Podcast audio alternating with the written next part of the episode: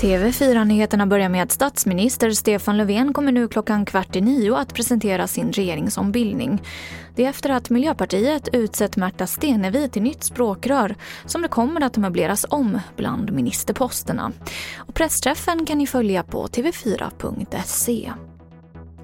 Antalet personer som felaktigt dödsförklaras har nästan fördubblats de senaste åren.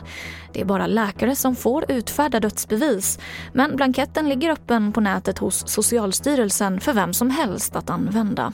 Och nu kräver Läkarförbundet en förändring. Det är ett systemfel som man måste åtgärda och det är ju de statliga myndigheternas ansvar att, att eh, synka sig och samordna sig så att den kontrollen sker på rätt sätt. Det får inte lov att ske det som har hänt. Det sa Sofia Ridgren Stale som är ordförande i Läkarförbundet. Och till sist kan jag berätta att antalet fall av hudcancer har ökat med nästan 60 procent på tio år i Sverige.